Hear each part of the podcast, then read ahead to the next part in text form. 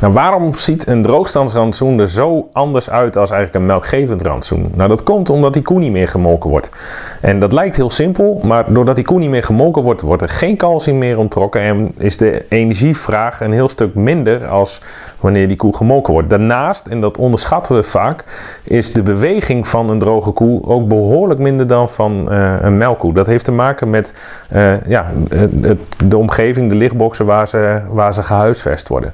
Nou, dat maakt zo'n droogstandsrantsoen uh, moeilijk. Uh, wat je wil is uh, in ieder geval de stofwisselingen op gang houden. Zowel voor energie, dat doe je door niet te rijk te voeren, maar wel ervoor te zorgen dat er voldoende kilo's droge stof in komen.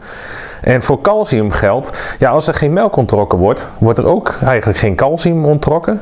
Um, daarnaast zorgt beweging voor een beetje calciumonttrekking.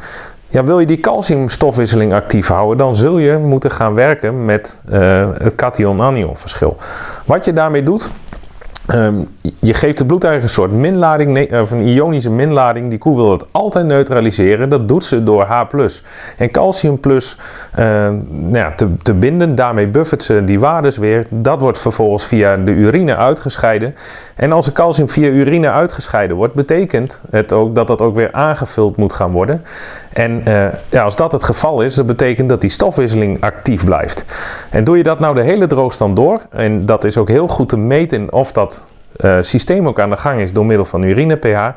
Uh, doe je dat het hele droogstand door, dan is eigenlijk melkziekte tot 1% uh, terug te dringen.